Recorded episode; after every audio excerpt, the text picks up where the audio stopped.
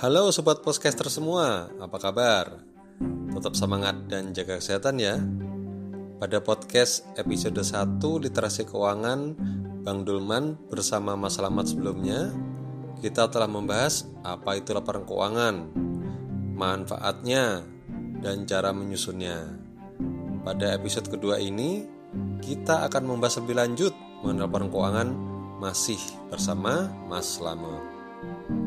Dalam menyusun laporan keuangan bisa dilakukan sendiri yang disebut juga laporan keuangan in-house dan bisa juga dilakukan oleh kantor akuntan publik atau KAP yang disebut juga laporan keuangan audited. Nah, bedanya apa ya? Kapan dan mengapa harus dilakukan audit laporan keuangan oleh KAP? Sekalian boleh dibantu dijelaskan ke apa itu apa ya Mas Slamet. Monggo Mas. Halo, kembali bertemu lagi dengan podcaster Bang Dulman. Ya, sebelumnya saya sama Bang Dulman udah membahas terkait dengan laporan keuangan ya Fungsi dan tujuan laporan keuangan. Jadi kalau ini kita melihat uh, Bang Dulman tadi itu menanyakan apa sih bedanya laporan keuangan in-house dan laporan keuangan yang dilakukan oleh kantor akuntan publik gitu kan? Bedanya apa gitu? Kapan dan mengapa harus dilakukan itu gitu kan? Apa dampaknya kepada usaha kalian gitu kan? Apa dampaknya? Nah oke okay, kita bahas uh, satu persatu ya. Terkait laporan keuangan in-house itu laporan keuangan yang memang disusun dikerjakan dan ditujukan untuk internal perusahaan atau untuk manajemen saja. Jadi dari yang mengerjakan, yang menyusun sehingga melakukan uh, cross check kembali, trace back kembali terkait uh, apa namanya kebenaran atas transaksi, kebenaran atas pencatatan, kebenaran atas pengelompokan keuangan itu dilakukan oleh tim internal perusahaan dan ditujukan ke mana? Ditujukan kepada tim internal perusahaan. Tim internal perusahaan itu dalam hal ini adalah top management, bisa dari uh, direksi maupun uh, apa namanya kepala kepala divisi atau kepala kepala bagian yang ada di uh, usaha atau perusahaan tersebut. Sehingga laporan keuangan ini masih bisa dibilang belum bisa dapat valid validasi yang mumpuni gitu loh. Belum tidak bisa divalidasi kecuali itu divalidasi sendiri atau divalidasi langsung oleh orang-orang yang ada di internal perusahaan. Tapi itu tidak bisa dilakukan atau tidak bisa disebarkan atau tidak bisa sebagai bentuk laporan pertanggungjawaban kepada pihak luar atau pembaca informasi keuangan ya, selain internal perusahaan. Jadi laporan keuangan in-house itu ya hanya digunakan oleh orang-orang atau internal di perusahaan sendiri di perusahaanmu atau di, di usaha kalian. Namun uh, kalau kita bicara laporan keuangan yang dikeluarkan atau yang dilakukan oleh kantor akuntan publik. Nah, sebenarnya secara sederhananya adalah uh, apa sih tujuan uh, laporan keuangan yang dikeluarkan oleh akuntan publik? Jadi kalau tadi saya jelaskan laporan keuangan in-house itu ditujukan oleh internal. Ditujukan untuk internal uh, perusahaan gitu kan. Internal manajemen top manajemen perusahaan. Udah sampai situ aja gitu. Nah sedangkan kalau yang dikeluarkan oleh akuntan publik adalah uh, laporan keuangan yang ditujukan untuk pihak ketiga gitu. Apa aja pihak ketiganya? Ada investor ada pembaca laporan keuangan gitu ya lapor pembaca laporan keuangan itu banyak sekali gitu. Ada mahasiswa mahasiswa katakanlah mahasiswa mahasiswa ekonomi yang sedang uh, melakukan uh, apa studinya gitu. Atau juga bisa uh, para investor-investor saham gitu yang mana uh, mereka membutuhkan laporan. Ini bicaranya kita kalau uh, memang lap, apa usaha kita itu listing atau terdaftar di bursa efek. Tapi kalau tidak ya tidak ada nih apa namanya uh, investor saham untuk yang di bursa atau ke keempat itu adalah nah, kreditur atau perbankan. Nah, pihak perbankan ini sudah pasti dan sudah diwajibkan oleh mereka untuk adanya laporan keuangan yang memang itu dikeluarkan oleh akuntan publik. Jadi sebenarnya itu ada size-nya gitu loh. E, kapan nah laporan keuangan itu harus di, di dikeluarkan oleh uh, kantor akuntan publik yaitu ketika size-nya itu sudah besar, volumenya itu sudah besar. Volume perputaran uang, volume penggunaan uang, penggunaan uang ini bisa dari dana pribadi maupun dana pihak ketiga. Pokoknya itu sudah bisa besar apa sudah besar e, besarnya berapa itu kan kembali lagi kepada yang menjalankan usaha, yang menanamkan duit mereka ke usaha itu apakah itu menurut mereka sudah besar atau tidak karena besar kecil itu kan sangat relatif gitu kan. Ada orang yang bilang 500 itu kecil, ada juga orang bilang 500 itu besar. Tapi yang dipastikan adalah ketika kita melakukan uh, apa namanya lap, uh, laporan keuangan audited yang dikeluarkan oleh akuntan publik sudah pasti situ di situ ada biaya dan biayanya tidak tidak murah sehingga uh, biaya yang kita keluarkan itu harus dan sejalan dengan apa yang akan kita peroleh ke depannya. Jadi laporan keuangan akuntan publik itu adalah laporan yang sudah divalidasi, yang sudah dilakukan penyesuaian sedemikian rupa sesuai dengan kebijakan yang ada di Indonesia, sesuai dengan peraturan yang ada ditentukan oleh OJK uh, eh, atau maupun lembaga-lembaga apa namanya uh, seperti bursa apa bursa efek maupun lembaga-lembaga keuangan lainnya termasuk di dalamnya adalah perbankan. Nah, ketika kantor akuntan apa laporan keuangan yang sudah diterbitkan oleh akuntan publik itu itu menjadi suatu laporan keuangan yang lebih valid yang lebih bisa dipercaya, yang lebih bisa dibuat pegangan sehingga laporan keuangan itu bisa dan dapat di-share ke pihak luar. Nah, jadi di situ uh, tadi saya sudah sampaikan bahwa apa apa namanya laporan keuangan in-house itu untuk siapa sih? Laporan keuangan audited itu tuh untuk siapa sih? Jadi, kalau kalian mempunyai usaha yang memang uh, posisinya menurut kalian itu masih diolah di, diolah maupun dikelola oleh kalian sendiri dengan tim mulai dari uh, kebutuhan-kebutuhan uh, usaha Anda, pencatatan, terus tidak menggunakan dana dari pihak lain yang cukup banyak maupun uh, tidak kompleksnya usaha yang Anda lakukan itu bisa Anda bisa Anda kerjakan sendiri atau bisa Anda keluarkan laporan keuangan in-house. Tapi pencatatannya, apakah tim Anda mampu dan mempunyai pengetahuan terkait dalam penyusunan laporan keuangan itu sendiri gitu kan. Ketika Anda memiliki tim yang bisa menyusun uh, laporan keuangan itu sendiri ya itu tidak masalah. Namun yang menjadi masalah adalah ketika anda tidak memiliki tim yang mumpuni, yang memahami e, dan bisa mengklasifikasikan seluruh transaksi Anda ke dalam suatu pencatatan yang ujungnya akan dijadikan laporan keuangan. Nah, itu Anda harus meng-hire atau mencari e, pihak yang memang berkompeten dalam bidang itu gitu. Berkompeten ini banyak banyak apa ya maksudnya banyak kadarnya ya gitu ya. Jadi ada yang memang kompeten itu kan dia bisa melakukan penyusunan laporan. Ya itu itu sudah kompeten gitu kan. Karena ini kan kaitannya dengan laporan keuangan in house. Jadi laporan keuangan in house itu tidak memerlukan seseorang yang memiliki izin uh, akuntan publik gitu. Seseorang yang memiliki kantor akuntan publik. Untuk laporan keuangan in house itu bisa anda hire orang-orang yang memang punya ilmu, punya kompetensi untuk menyusun laporan keuangan karena eh, harga dan tarif yang ditentukan itu amat berbeda gitu loh. Ketika Anda melakukan penyusunan laporan keuangan in-house dengan meng-hire seorang akuntan publik itu jauh lebih mahal daripada Anda meng-hire orang yang bisa melakukan atau menyusun laporan keuangan secara in-house itu karena kan itu dipakai untuk usaha anda sendiri untuk manajemen sendiri gitu. Jadi nggak perlu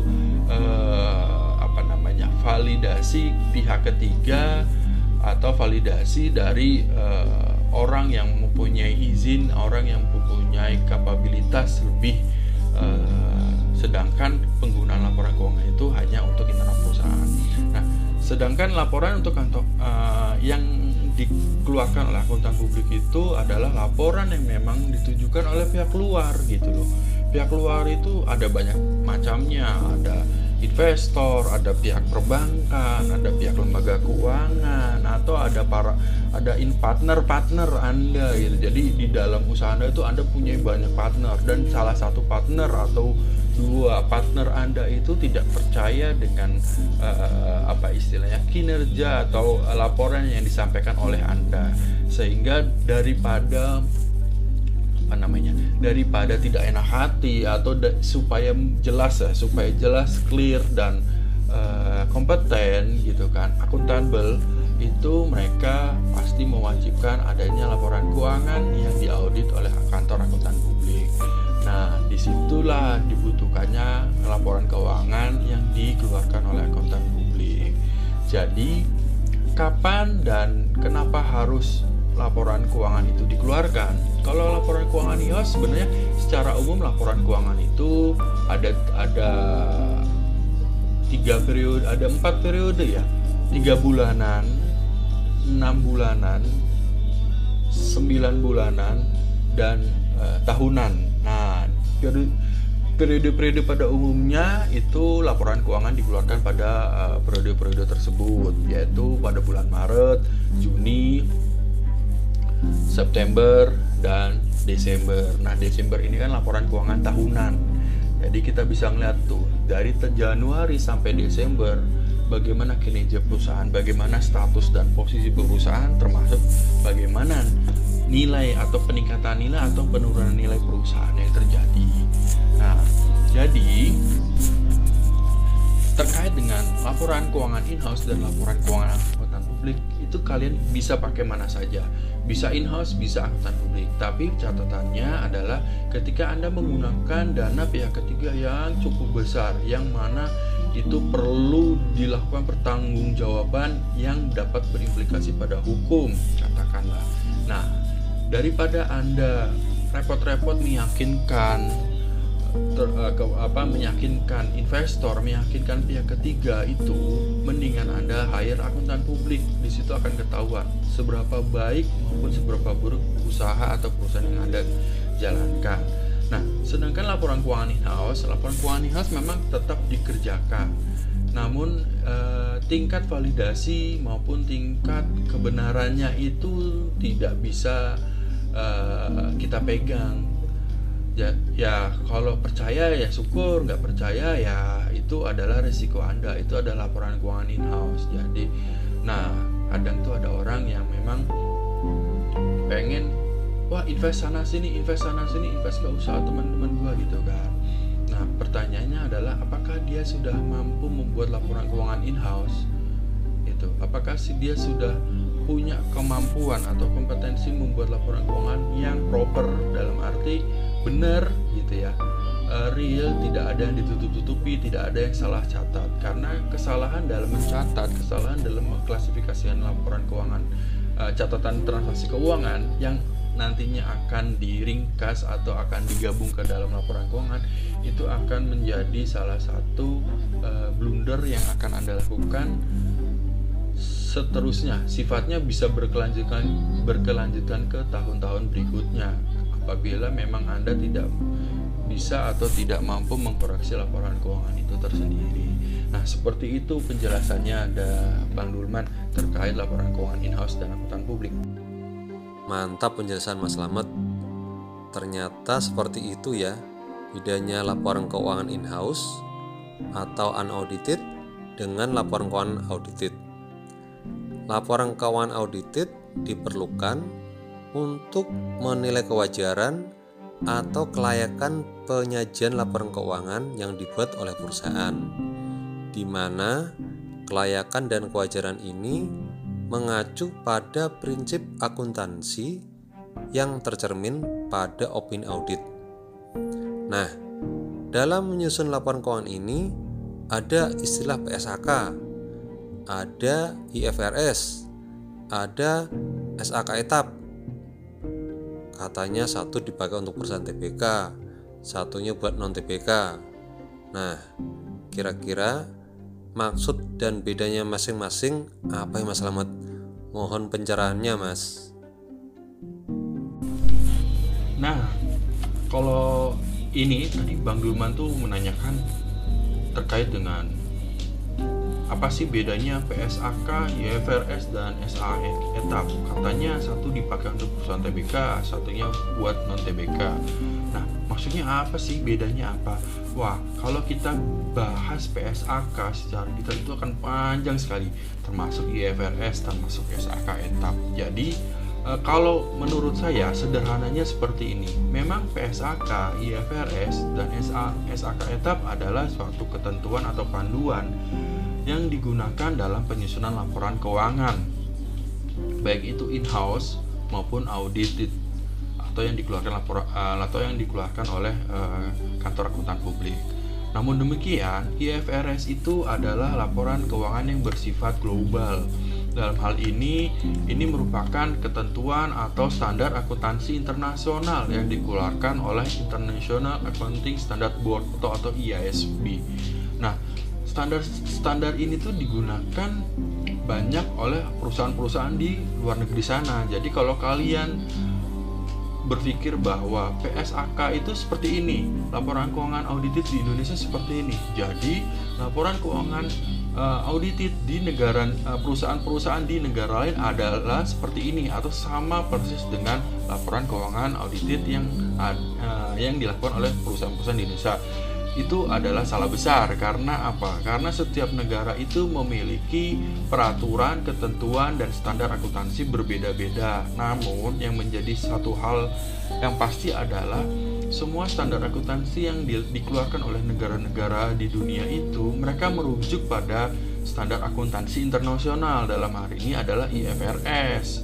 Nah, dalam uh, dalam uh, penyerapan IFRS atau standar akuntansi internasional mereka akan menyesuaikan kembali ketentuan-ketentuan prinsip-prinsip standar akuntansi kepada uh, ketentuan dan aturan yang ada di negara-negara tersebut. Nah, kalau di Indonesia itu ada namanya PSAK. PSAK sebenarnya juga menyerap mungkin mayoritas terkait dengan uh, standar akuntansi internasional. Namun PSAK itu sendiri juga melakukan penyesuaian sesuai dengan uh, karakteristik usaha di Indonesia, sesuai dengan uh, kebijakan-kebijakan pemerintah yang dikeluarkan terkait dengan uh, keuangan. Nah, hal-hal itu yang membedakan uh, IFRS dan PSAK. Bagaimana dengan SAK etap? Nah, SAK etap ini sebenarnya sama saja dengan PSAK dikeluarkan oleh eh, apa namanya Badan Akuntansi eh, atau lembaga IAI yaitu Ikatan Akuntan Indonesia. Dikeluarkan oleh IAI. Namun SAK etap ini ada beberapa eh, klasifikasi, ada beberapa ketentuan dan kebijakan yang lebih apa ya Eh, yang kurang dapat divalidasi atau kurang bisa memberikan suatu informasi yang informatif dibanding PSAK itu sendiri. Sama isinya juga sama SAK etap itu juga eh, meliputi informasi terkait aset, ekuitas, liabilitas, pendapatan atau laba rugi gitu ya terus abis itu ada modal pemilik dan arus kas sama SAK etap juga ada PSAK juga ada. Namun demikian terdapat beberapa klasifikasi yang memang tidak didetailkan di SAK etap sehingga pengguna informasi dari laporan keuangan itu akan kesulitan. Ini berasal dari mana, ini isinya apa saja, bagaimana penghitungannya. Salah satu contoh yang uh, bisa dijadikan sampel mana penggunaan laporan sesuai PSAK, mana laporan keuangan yang SAK etap adalah terkait pencadangan imbalan pasca kerja. Di PSAK itu diwajibkan perusahaan-perusahaan harus menghitung uh, imbalan pasca kerja, sedangkan di SAK etap itu tidak ada. Nah, itu merupakan suatu yang penting menurut saya karena apa? Imbalan pasca kerja itulah seperti pensiun seperti tunjangan-tunjangan. Setelah kerja itu harus dihitung karena kan sesuai dengan ke undang-undang ketenaga kerjaan yang berlaku di Indonesia bahwa pemilik kerja itu bertanggung jawab atas tunjangan-tunjangan yang diberikan oleh pekerjanya. Nah, ketika di SAK etap itu tidak disampaikan, berarti kan kita menjadi tanda tanya, apakah perusahaan ini memperhatikan pegawainya atau tidak, mencatatkan atau tidak, atau jangan-jangan tidak dicatatkan. Nah, kalau tidak dicatatkan, apakah e, pegawai atau pekerja tersebut mendapatkan imbalan pasca kerja nantinya? Nah, itu kan menjadi pertanyaan karena e, going concern perusahaan atau keberlangsungan usaha perusahaan itu kan sangat bergantung kepada para pekerjanya. Ketika ada pekerjanya yang tidak terima atau tidak menerima kewajibannya terkait dengan tunjangan-tunjangan sesuai dengan undang-undang pekerja apa ketenaga kerjaan di Indonesia, maka itu akan menjadi suatu kerugian bagi si perusahaan tersebut karena bisa jadi adanya demo, adanya mogok kerja dan sebagainya. Nah, kalau di IFRS gimana? Di IFRS lebih menerapkan atau lebih menekankan kepada prinsip akuntansi itu sendiri. Yang penting prinsipnya. Jadi uh, ketentuan atau uh, peraturan itu sesuai dengan uh, negara-negara yang menganutnya. Tapi kalau prinsip itu sendiri kan bersifat umum ya. Jadi IFRS itu mengatur ketentuan atau standar akuntansi yang bersifat umum gitu, yang sesuai prinsipnya saja. Tapi uh, apa namanya implementasinya ke, uh, kebijakannya aturannya seperti apa itu diserahkan kembali kepada negara-negara yang menggunakan IFRS dengan mengadopsi IFRS dan melakukan penyesuaian sesuai dengan kebijakan di negara-negara tersebut. Nah, itu sih perbedaannya PSAK, IFRS dan SAK etap sehingga kalau dari saya sendiri saya lebih condong penggunaan laporan keuangan dengan ketentuan atau kebijakan PSAK. Memang di dalamnya uh, ada ada banyak sekali pertimbangan-pertimbangan untuk menggunakannya. Tapi kalau saya sebagai pembaca keuangan, laporan keuangan, informasi-informasi laporan keuangan itu saya lebih suka menggunakan PSAK karena di PSAK itu kita akan mengetahui posisi dan kondisi keuangan si perusahaan tersebut. Apakah bagus tidak bagus atau menuju ke tidak bagus atau menuju eh, apa namanya peningkatan yang eh, bisa dibilang sangat menjanjikan. Nah itu kan eh, bisa dilihat atau bisa dipakai oleh para pengguna laporan keuangan. Seperti itu sih Bang Dulman eh, apa namanya perbedaan PSAK, IFRS, SAK. Berikut juga dengan laporan keuangan in-house dan laporan keuangan yang dikeluarkan oleh kantor akuntan publik. Semoga kalian yang mendengarkan ini bisa bertambah ya wawasannya dan uh, bisa tahu atau bisa beda sehingga kalau kalian punya usaha sudah paham nih apa yang harus dilakukan dalam melakukan uh, pencatatan laporan keuangan usaha kalian. Oke, sekian dari saya. Semoga kita semua sehat ya dan bahagia selalu. Selamat. Terima kasih atas penjelasannya Mas Slamet. Semoga penjelasan yang disampaikan Mas Slamet dapat memberikan wawasan dan menambah pengetahuan bagi kita semua. Sampai jumpa di literasi keuangan berikutnya yang tentu saja bersama Mas Slamet dan akan lebih dalam lagi kita membahasnya. Sampai jumpa. thank you